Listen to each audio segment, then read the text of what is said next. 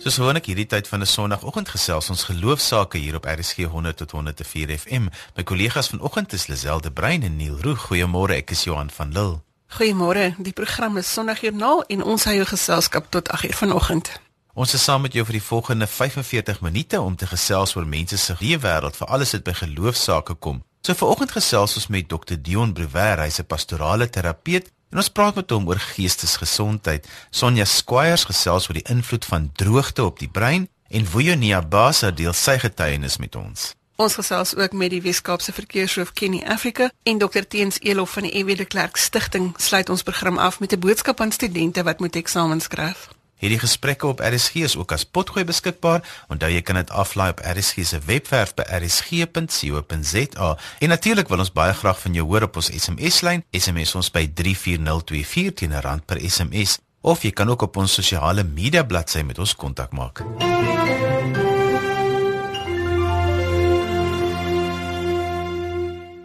Dr Dion Brewer, pastorale terapeut wat jare lank in Stikland in die multiprofessionele span gewerk het, sluit vanoggend by ons aan om te gesels oor psigiatriese siektes. Môre Lisel. Hoe moet ons psigiatriese siektes verstaan en hoe moet ons met mense wat aan 'n psigiatriese siekte ly omgaan?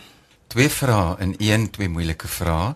Dit is vir my baie belangrik dat ons sal verstaan Lisel dat psigiatriese siektes 'n siekte is. Dat dit 'n siekte van die brein is en nou Ons vergeet baie keer dat die brein baie baie delikate orgaan is.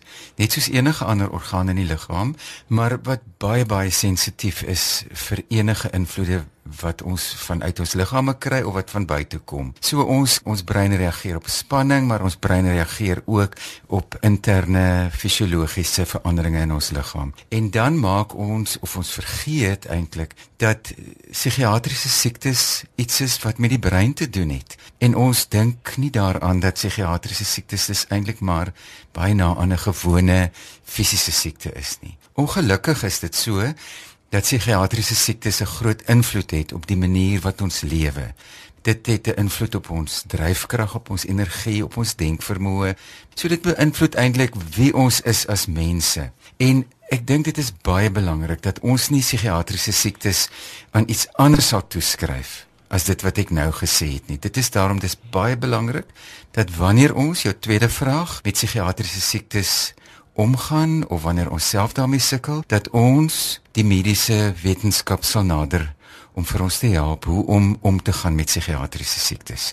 Die ongeluk is natuurlik omdat ons nie verstaan hoe psigiatriese siektes werk nie. Ons verstaan as jou groot toon seer is want jy het jou toon gestamp. En jy kan die pleister sien. En jy kan die pleister sien, maar jy kan nie sien waar die probleem in die brein kom met psigiatriese siektes nie. En natuurlik die mediese wetenskap en die neurowetenskappe kan vandag vir ons sê dat daar sekere areas van die brein is wat byvoorbeeld aangetast word of nie so goed funksioneer wanneer ons depressie aan depressie ly nie of wanneer ons ander psigiatriese siektes soos skizofrenie of uh, enige ander iets soos Tourette syndroom het wat waar daar 'n disfunksie van die brein is en dan behandel kan word nie. So ek dink dit is vir my baie hartseer dat ons psigiatriese siektes stigmatiseer en maak asof dit iets is wat 'n mens minder goed of wat 'n mens uh, maak dat jy nie kan funksioneer nie. So ons moet na onsself kyk wanneer ons na mense met psigiatriese siektes kyk en kyk hoe verstaan ons dit. Ek dink mense kan dit deurtrek na baie dinge toe. As jy iets nie verstaan nie, dan kan jy baie maklik verkeerd daarop reageer. My siening van ons as mense is dat ons altyd 'n verklaringsbeginsel vir enigiets wil hê.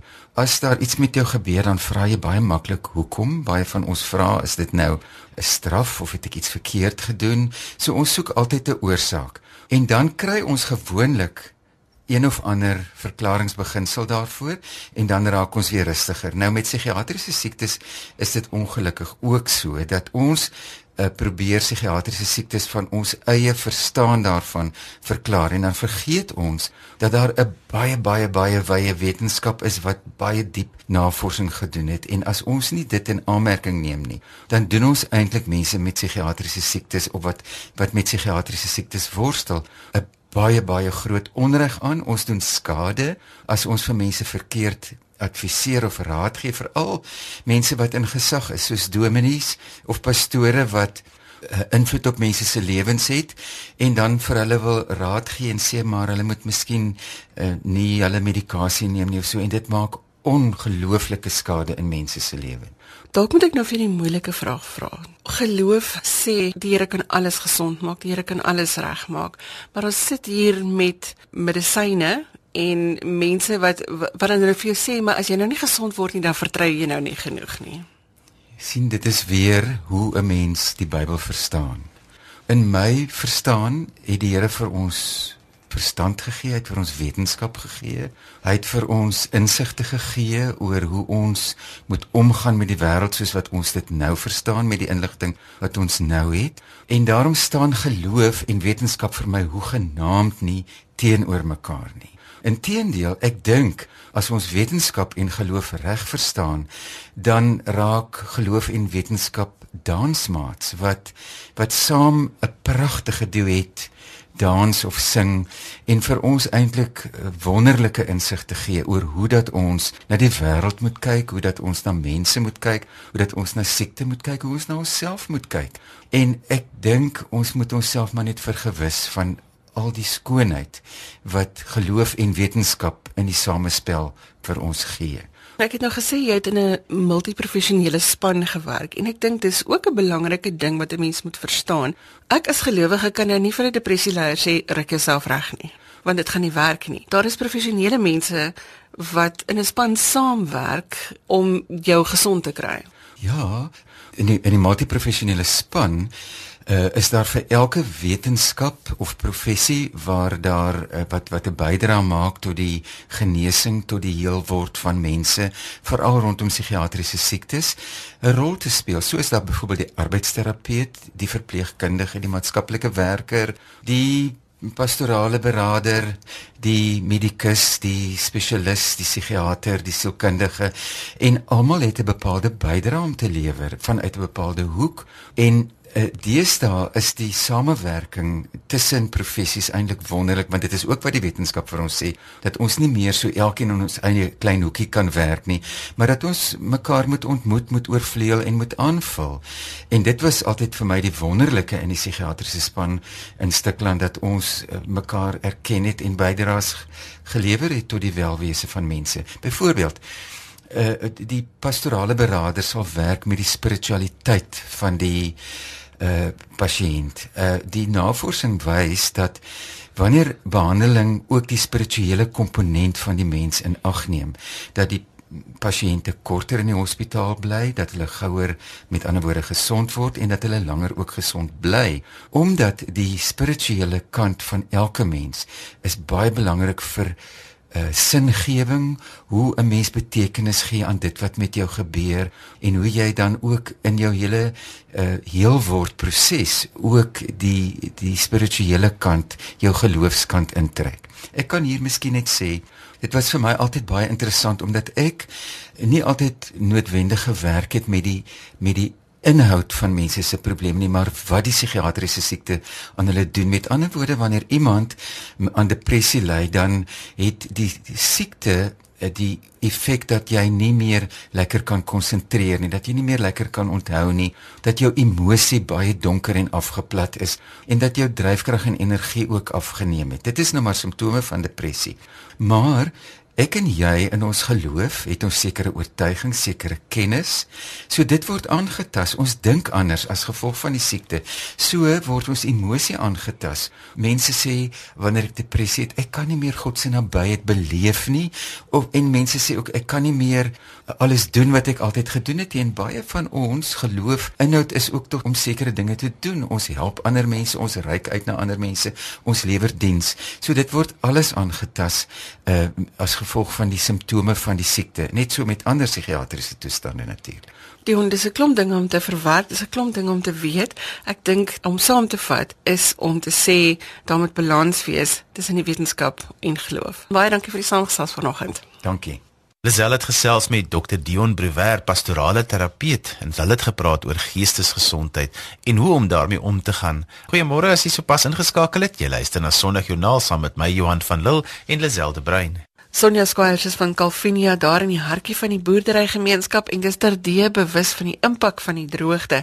Ons gesels gereeld met haar oor hoe ons brein werk en vanoggend gaan ons die twee bymekaar bring. Goeiemôre Sonja. Goeiemôre Lisel.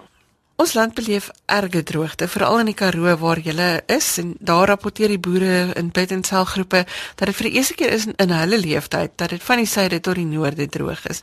Die Bybel vertel ook van droogtes en dinge. Kan ons iewers hieruit iets leer? Ha, ja, absoluut Lisel. Weet jy, ek het nou so ruk terug self in die woord stil geraak en dit was vir my verstommend om te sien van Abraham se tyd af, sy seun Isak, hulle is ook deur droogtes. Hulle moes ook deur woestyne trek.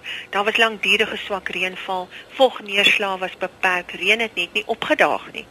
Uh, in die Hebreëus beteken die woord woestyn eintlik 'n steriele plek waar daar geen vrug is nie. En dit het my toe laat dink, wat sê dit vir my wanneer ons dan ook in woestyn plekke in beweeg as gevolg van droogte? Dalk is dit plekke waar daar nie van self vrug is nie, want daar's niks wat die vrug stimuleer nie. En droogte beteken ook weer interessant, 'n instrument van sny om te vernietig of om uit te haal. En uh, dit het my toe laat dink. Ek moet 'n bietjie verder kyk waaroor gaan droogte want in die woord van die Here is daarna gaai een het hy gesê hy roep vir die droogte.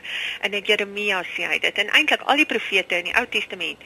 Dit is vir my duidelik dat daar redes moet wees vir droogte. En toe ek so 'n bietjie gaan kyk en ek sien my ten minste sewe dinge wat aan droogte gekoppel word op verskillende plekke. En ek deel dit net so vinnig met jou, maar een van hulle is selfsug. Die Here sê jy bou jou huis, maar jy bou nie my huis nie. Met ander woorde ons is eintlik besig om ons eie lewe te bevorder. Daarna gaan een. Ander een wat op baie baie plekke voorkom is afgode. Uh Hosea, Jeremia, oral praat die Here oor afgoderry. Jy's nie meer by my nie. Jy verwag my nie vir 'n antwoord nie. Jou hoop is nie in my nie. Jy's besig met beelde. Nou ons dink dikwels, o, oh, dis 'n afgodsbeeld, dis iets wat fisies gemaak is. Maar weet jy, ons menslike brein vat 7000 flitsse in daagliks van tegnologie, sosiale media en baie van hierdie flitsse is um reeds op 'n plek waar dit vir ons sê hoe om besluite te maak. Hier is jou voorkeur antwoord. Ons vra die Here vir baie dinge nie, want hierdie antwoorde is klaar geprogrammeer in ons brein. Ons sien byvoorbeeld Josef, daar was 'n droogte in sy tyd, maar die Here, dit was 'n vervulling van 'n profetiese woord. En Josef wat God se geliefde was en uitstekend in administrasie was, sy beste kwaliteite het na vore gekom in 'n droogte. En dan sien ons ongeregtigheid. Die Here praat daaroor en hy sê dis julle ongeregtighede wat maak dat ek 'n droogte bring as die fondasies vol verval het, is dit 'n ander rede. Daar in Jeremia 50 praat die Here, wanneer 'n land sy fondasie wat op Christus moet wees laat gaan, die Here sê dan kom 'n droogte in, maar van alle soorte, nie net in die natuur nie. En dan, die Here sê as hy namens sy mense, die Israeliete beklei teen hulle vyande, dan bring hy 'n droogte oor die vyande. En ehm um, Nou weet ons vandag, ons wat 'n Christus is, het nie 'n vyand in die vlees nie, ons vyand is in die gees, want ons stryd is nie teen vlees en bloed nie. So ons weet, die Here beklei teen dinge wat vyande van ons krag, ons lewe in Christus is, binne in ons of buite ons. En dan sê die Here in droogte tye verander hy die posisies van mense. Hy stel sekere mense aan en hy verlaag ander mense. So ons kan sien 'n droogte tyd bring dikwels skommelinge in in in in in 'n samelewing, in 'n gemeenskap. Dit skommel die maniere van doen. Jy kan nie meer op jou ou maniere aangaan nie. Dit noodsaak en dit eis aandag. Kan nie droogte impak hê op 'n mens se brein, sy denkprosesse, miskien sy gedrag? Ah, oh, weet jy, definitief. Ehm um, daar is al so ver terug as uh, hier in die uh, eh, 1930s is daar gepubliseer deur Jaglu en en dit is uh, wetenskaplikes gewees wat gaan kyk het na uh, wat is die impak van droogte. Hulle het na spesifieke weeromstandighede gaan kyk, veral warm droë winde. En jy weet ons kry dit oor die hele wêreld, Italië, Egipte, Kalifornië, um, oral in die wêreld uh, is is warm droë winde al klaar 'n teken van 'n droogte wat in aantog is. En daar het hulle gevind dat 30% van die mense ontwikkel probleme uh met denke. Uh die negatiewe ionvlakke in die lug, die balans skuif en meer positiewe ione is daar en dit het 'n invloed op die asemhaling, dit wat jy inneem in jou liggaam en uiteindelik het hulle bevind daar is 'n korrelasie met depressie. Mense dink meer morbied oor die lewe. Ehm um, die brein raak stadiger. Hy moet harder werk om sy werk gedoen te kry en daar selfs 'n verlies van fokus as dit nie koel cool genoeg bly nie. En 'n baie ander interessante ding ook, en dis al in die 50er, 60er jare ook bewys, is dat daar is 'n direkte verband tussen hierdie tipe van droogte toestande en verhoogde vlakke van ongelukke en dan ook geweld en uh, uitbarstings van aggressie in in groepe mense. En as ons vandag in ons land kyk, uh, baie keer sê mense the issue is not the issue. Is dit so dat as ons kyk op ons universiteitskampusse, ons kyk na geweld in ons land op op verskeie vlakke en jy kyk na die droogte toestande en jy kyk na wat aangaan uh, in die weer, dan weet jy daar is tog 'n verband. Wetenskaplik word dit al verlang suggereer. Hulle sê dat serotonien byvoorbeeld word geraak deur droogte vlakke. En weet jy daar is soveel bewyse, byvoorbeeld net in tieners se breine, uh, dat dat droogte impak het wanneer hulle alles mos geneig om nie water op te drink nie. En dan in droogte toestande kom die nie water drink en die droogte uh, die lug wat warm is en uitgedroog is bymekaar en dit het 'n dubbel impak op die brein. Mense is geneig om meer soetgoed in hulle water te sit, nie. Uh drankies wat wat nie net suiwer water is nie en partykeer dehydrasie eintlik aanhelp ook en dit het 'n baie uh, direkte impak op prestasie. So daar's verskillende vorms van droogte. Hoe kan ons as gelowiges die droogte en die gevolge hanteer? Ek jy, dit is 'n wonderlike vraag daai Lisel want ons kom ons nou van die wet af, maar ons is mos nou nie meer onder die wet nie. Ons leef in genade. Paulus sê daar in 1 Korintiërs 15 vers 10 as gelowiges kyk ons deur die lens van genade na enige gebeure in ons lewe. So ons moet kyk na hierdie situasie rondom droogte en sê Here, uh help ons nou om ook 'n bietjie stil te raak, net 'n bietjie na ons lewe te kyk want in Hebreërs 12 sê hy die Here bring tugtiging in ons sy woord. Ons moet tog aan die beeld van sy seun gelykvormig lewe. Hy laat sekere dinge toe om sekere situasies in lyn te trek met sport. Dis ons nommer 1 doel hier op aarde. Ons moet tog sy liefde kan uitdra aan ander. So kom ons ondersoek onsself en ons sê dan, jy weet, uh is daar dalk iets in my lewe wat moet skuif? Want in 'n droogte tyd in 'n ou se lewe, uh ouers gewoond aan 'n uh, sekere maniere van werk en gewoontes en dit as daar 'n droogte kom met antwoorde, werk dinge wat voorheen vir jou gewerk het nie meer soos dit gewerk het nie. En dan wil die Here hê ons moet herbesin. Wil hy nie dalk ons voetstappe op 'n ander pad rig nie.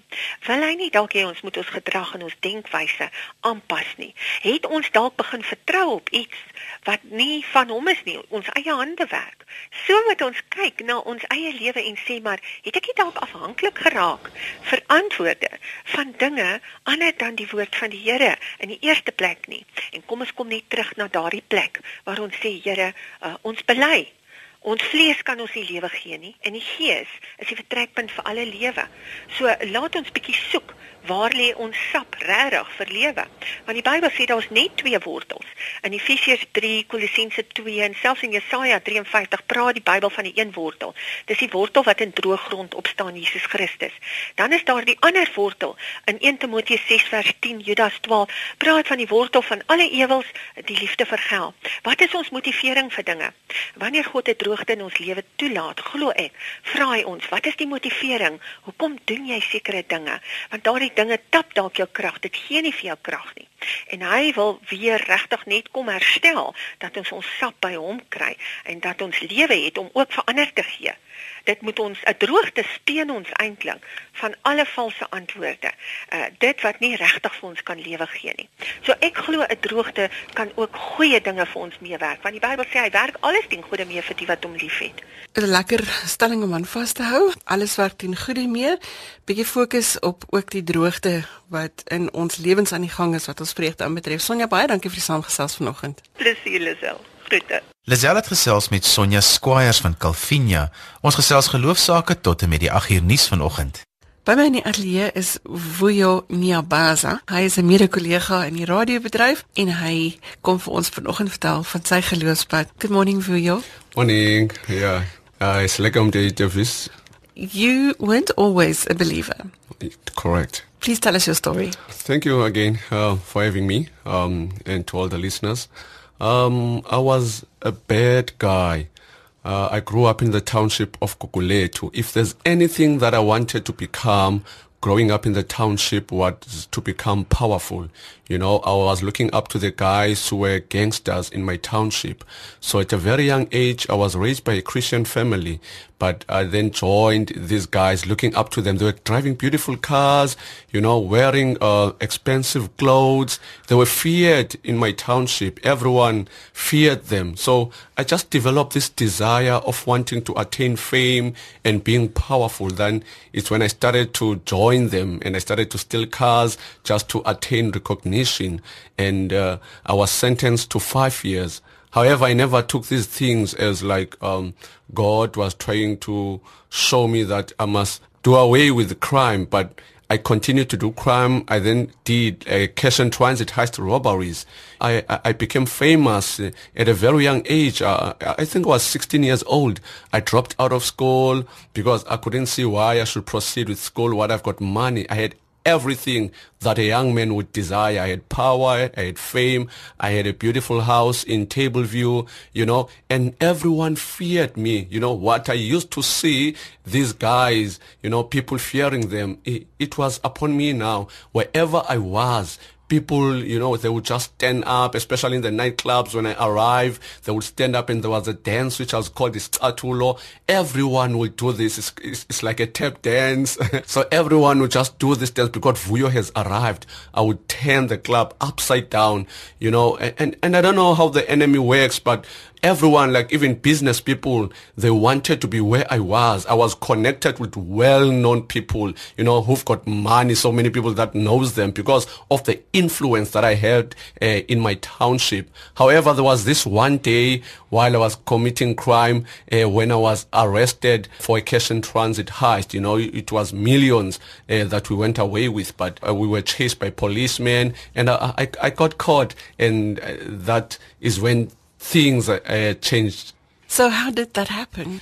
You know, um, I still remember the day uh, we parted ways and I entered in the bush. And while I was inside that bush, I couldn't see any of my friends. I was alone there. And the only thought that came to me is that Vuyo, if you get arrested for this case, you'll be sentenced for life do yourself a favor, kill yourself. You know, one of the things that I've learned about the devil is that whatever he gives you, there's going to come a time when he's going to demand it back. And when he demands it back, he demands it with interest. You know, I was in that point in my life, you know, uh, like in a crossroad, should I kill myself? I had a gun in my hand and I remember taking it and pointing it in my forehead. And, but before I pulled the trigger, there was just a thought that came in my heart, Vuyo, what will your parents say when they hear you've murdered yourself like this? You know, I started to take the gun. I hid it and I hid also. I took the shrubs and I placed them upon me. The police helicopter was already there searching for us. Police started to come in, but they couldn't see me. I'll never forget the name of the dog that put me out. It was Chaka. so Chaka found me and, and, and to my surprise, after he pulled me out, I thought I was going to be the only one who stand for this case but five of my friends were already arrested. So we were uh, taken to Bosmo awaiting trial prison where I joined the 26 gangs. My life moved from bad to worse. My life became a mess. You know, I still remember the first year while I was there, my friends would come and visit me. I had power even while I was still inside, even in the gang, I had control. Uh, but uh, as the years goes, my friends then started to desert me. No one was coming. Things started to change around. Even when I was taken to, uh, to the court, I was escorted by the organized crime unit because I was regarded as a high profile criminal uh, in Cape Town. And there was no way of escape because they would chain uh, my feet and my hands. You know, I gave up on life. I gave up on myself. I thought there's no way uh, I will ever see the outside world again. It's rather for me to die. And I still remember one day while I was taken to court, but to another case now, I planned an escape and that day I was not uh, escorted and I escaped and I became the most wanted criminal in South Africa. You know, uh, my photos were published all over. I could hardly walk. I remember one of my friends calling me and said, Vuyo, I see your photo here. My life became so worse because I was a most wanted criminal and it forced me to go back and do crime again. I had money again, but I was rearrested again coming from a nightclub. It was on a Wednesday night and uh, with girls. I was high on drugs and it happened that there, uh, there was an informer who informed the police where I was. Then they escorted me and I got caught in another house of my girlfriend. I said, listen girls, when they come in, don't say my name is Vuyo. Say my name is Tabo. They said, okay. They, they saw me and they asked me, what is your name? I said, no, my name is Tabo Miniar.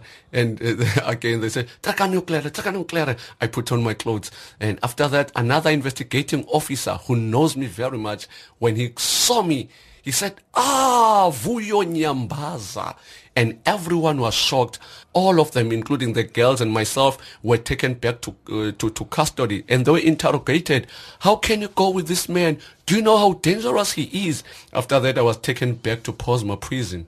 And how does it happen that you and I can sit across the table and mm. I don't have to be scared of you? Sure. wow.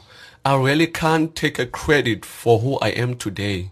I must tell you, there was a one man of God who came to prison preaching about Christ who can save lives, preaching about Christ who can transform lives. And at that point, I still remember I was so broken. I lost my father while I was in prison. I, I, and I even uh, never made it to uh, his funeral because they couldn't take me to his funeral because they thought, no, this is a high profile. His friends can come and hijack him. So uh, uh this man, when he preached about Jesus, there are so many spiritual workers in prison. But let me tell you, there's something so different about this man. Whenever he preached, he would preach and preach and say, are you listening, good gentlemen? He would preach and preach and say, are you listening, good gentlemen? This just caught my heart. It struck my heart. I never had someone in my life calling me a good gentleman. He wasn't just saying that I'm a gentleman, but saying good gentleman. All I knew is that I'm a thug, I'm a criminal, I'm a gang, I'm a number. That's my limitation in life. That's my self-destiny, you know. That's my destination in life. But hearing this man of God saying, we are good gentlemen. Can you imagine we are all in prison and we are gangs? Most of people fears, fears us. But here's this man calling us good gentlemen it ignited something within me. Let me tell you, whenever that man would go, myself and my friends uh, in the room would say, did you hear him? When we were sitting together, did you hear him? Everyone was like excited. He is calling us good gentlemen. We couldn't wait to hear from this man of God again. And it was at that point when I surrendered my life to Christ. And let me tell you, God transformed my life. He changed my heart. And uh, today I can say boldly that I'm a child of God. I went back to school. I studied theology. You know, I did my degree and today I'm a youth pastor uh, in New Cross Baptist Church. Not only am I a, a, youth pastor in New Cross Baptist Church, but I'm also a radio presenter in Tigerberg FM station, a Christian radio station. And I'm also working for an organization called the Message Trust, uh, which is in Woodstock. I work with inmates uh, who are in prison, you know, preaching the gospel. I also do schools, you know, prevention is better than cure, teaching them about the danger of crime. It's Christ. Also, Christ can use you because you now know mm. how those people think. Exactly. Because now I understand uh, how the mind uh, of a criminal thinks. So it's easier for me to minister to them because all of them know me. Most of them, I must say, they know me how I was before. So to them, when I preach to them, it's not difficult for me. I'm able to penetrate in their hearts through God's word. It's only Jesus who can do this. I really cannot take credit for who I am. Do you know what? In my, even in, in my township, they used to, uh, the parents used to tell their children, don't go with Vuyo. But now, since I found Christ, they all say, Vuyo, please, Take our children with you. Only Christ can transform life. He restored my dream that I had as a young man of saving lives. And today I'm a motivator. I inspire others because of Christ. Nou ja, 'n beter storie van 'n getuienis oor die verskil wat geloof mm. in jou lewe kan maak, kan ons seker nêrens kry nie. Will you thank you mm. for telling us your thank story. You. thank you so much. En so gesels Vuyo Niabasa, 'n merkwaardige getuienis oor die krag van woorde in 'n mens se lewe. As jy net ingeskakel het, sê ons goeiemôre. Jy luister na Sondag Joernaal saam met Johan van Lille en Lazelde Brein. Agter die kontroles Neil Roo. Gemaak gerus draai op RSG se webblad by rsg.co.za vir inligting oor vandag se gaste en soos gewoonlik kan jy dieselfde inligting ook op ons sosiale media bladsye kry. Kenny Africa is ons provinsiale verkeershoof in die Weskaap en hy is ook woordvoerder van die departement in die Weskaap. En hy sluit vanoggend by ons aan om met ons te gesels. Goeiemôre Kenny. Uh, Goeiemôre en en ook môre aan ons luisteraars. Jy het onlangs die toekenning gekry as die beste manlike amptenaar in vervoer wat deur die nasionale minister van vervoer toegeken word. Baie geluk daarmee. Baie dankie. Dit was uh, verlede Saterdag in Umtata in die Oos-Kaap uh, toegeken deur deur ons nasionale minister van vervoer. Ons gesels vanoggend oor geloof. So jy's nie net die beste amptenaar in vervoer nie, jy's ook 'n gelowige. Jy moet 'n hele klompie goed bymekaar hou. Die paaie is besig nou in hierdie tyd wat dit vakansie word. Hoe bring jy al hierdie goed bymekaar? Ja, as ek uh, baie eerlik is met jou, um, ek is nou heidaglik 42 jaar um, uh, in die verkeersdiens. Ek het op 18 jarige ouderdom het ek begin as 'n jong verkeersbeampte op Woester en uh, vandag 42 jaar later kan ek sê dit is net deur die genade van ons Hemelse Vader dat ek nog steeds uh, die werk doen wat ek 42 jaar gelede uh, my beroep gemaak het. En jy weet om 'n verkeersbeampte te wees of om die hoof van die verkeer te wees in die Weskaap uh, gaan nie uh, sonder geloof nie. Dit gaan nie sonder die feit dat jy 'n verskil moet maak in ander mense se lewens nie en as 'n verkeersbeampte en as hoof van verkeer in die Weskaap is dit uh, die doel wat ek elke dag nastreef is om 'n verskil in ander mense se lewens te maak om vir ander mense ook te laat verstaan dat um, as jy God aan jou kant het wie kan teen jou wees? Hoe maklik is dit om geloof in die werksplek in te bring om dit uit te leef? Dit is um, eintlik nie moeilik nie die rede hoekom ek dit sê is dat as 'n mens jou gesindhede teenoor mekaar op 'n daaglikse basis op 'n positiewe manier kan uitleef, dan is dit werklik waar baie baie eenvoudig om uh, die mense wat jy elke dag mee werk te te kan oortuig dat geloof speel seker die grootste rol in 'n mens se lewe. Op pad na vakansietyd toe? Jou boodskap vir kuiermense wat Kaap toe kom op die pad gaan wees, wat sal dit wees? Ja, ek wil begin deur te sê daar's 'n goue reël in verkeer wat sê dat as jy 'n lang distansies aanpak, maak seker dat jy uitgerus is. Maak seker dat jy jou ritte beplan en derdens stop na elke 200 km of elke 2 ure en klim uit jou voertuig uit, rek daardie bene so bietjie, stap om die voertuig voordat jy weer die volgende 200 km of 2 ure aanpak. Jy weet vermoeidheid uh, is een van die grootste probleme wat ons ervaar op ons paaie. Mense pak die lang pad van Johannesburg van die ander provinsies aan Kaap toe of vice versa vanaf Kaapstad na die ander provinsies toe en dan wil hulle hierdie lang rit met een teeg af lê en in die meeste gevalle raak um, motoriste moeg, hulle raak aan die slaap en dan verloor hulle beheer oor hulle voertuig en in in baie gevalle eindig hierdie tipe van ongelukke ehm um, uit op op fatale ongelukke. Onnodige, onskuldige mense uh verloor lewens in hierdie ongelukke. En soos ons die afgelope paar jaar ervaar het, veral gedurende die feesseisoen, dan is daar jong kinders wat ook in hierdie ongelukke sterf as gevolg van die feit dat mammy of papi aan die slaap geraak het agter die stuurwiel beheer verloor het oor die voertuig. En ons wil ehm um, inderdaad vir ons motoriste sê maak seker dat jy uitgerus is en wanneer jy hierdie lang ritte aanpak ek weet daar's so baie mense wat uitsien om Kaap toe te kom om hier by die see te wees om om in die Wes-Kaap te wees maar uh, die passasiers in daardie voertuie hou die bestuurder wakker hou die bestuurder aan die draad sodat hy nie of sy nie moeg of aan die slaap raak nie. Vermoeidheid is 'n groot ewel op ons paaie en ek wil ook dan vir ons motoriste sê wanneer jy daardie lang ritte aanpak, wanneer jy met vakansie gaan, uh, gaan op jou knieë voordat jy die rit aanpak en vra vir die Here om daardie stille bestuurder in jou voertuig te wees. Die pad na Kersfees toe kan ons op ons een hand aftel Wat is jou Kersfeesboodskap? My Kersfeesboodskap aan ons motoriste is um, ons as verkeersmense kan nie alleen hierdie 'n groot uh, taak wat op ons skouers is aanpak nie. Ons het die hulp van ons motoriste, alledaagse motoriste nodig daar buite om saam met ons hierdie probleem aan te pak om padveiligheid te bevorder. Ek wil vir ons motoriste sê verander julle gesindhede na 'n meer positiewe gesindheid. Respekteer julle medepadgebruikers. Gee om vir ander mense wat ook die paaie gebruik en dan gaan ons almal veilig tuiskom. Weereens baie geluk met jou toekenning en baie dankie vir die saamgesels vanoggend. Baie dankie en uh, nogmaals dankie vir die goeie werk wat julle daar by die radiostasie doen. Jy weet, dit is 'n medium wat ons met mense kan praat, wat ons hulle kan oortuig dat die regte ding om te doen is om geloof met jou saam te neem. Wel dis goeie raad vir die vakansietyd wat voorlê van Kenny Africa, die verkeershoof in die Wes-Kaap. Jy luister na Sondag Joernaal waar ons godsdiens en geloof gesels en ons nooi jou uit om saam te gesels op ons SMS-lyn by 34024 R1 per SMS of jy kan vir Lazelle 'n e-pos stuur by lazel@vvmedia.co.za. En onthou dit is Lazelle met 'n Z en is twee W's vir VV Media.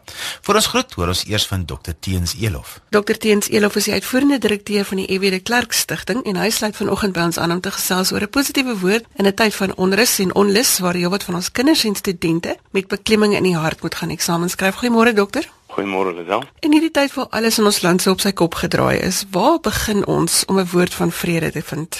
Kyk, ek dink mens moet met die eerste plek moet jy maar uh, aan jou geloof vashou en weet dat uh, God in beheer is en Christus koning is. Ek dink dis daai daai geloofsperspektief mag ons nooit verloor. Ons mag nooit dink dat ons uitgelewer is aan magte waar waarvan ons uh, jy weet waar, waar ons eintlik niks kan doen nie.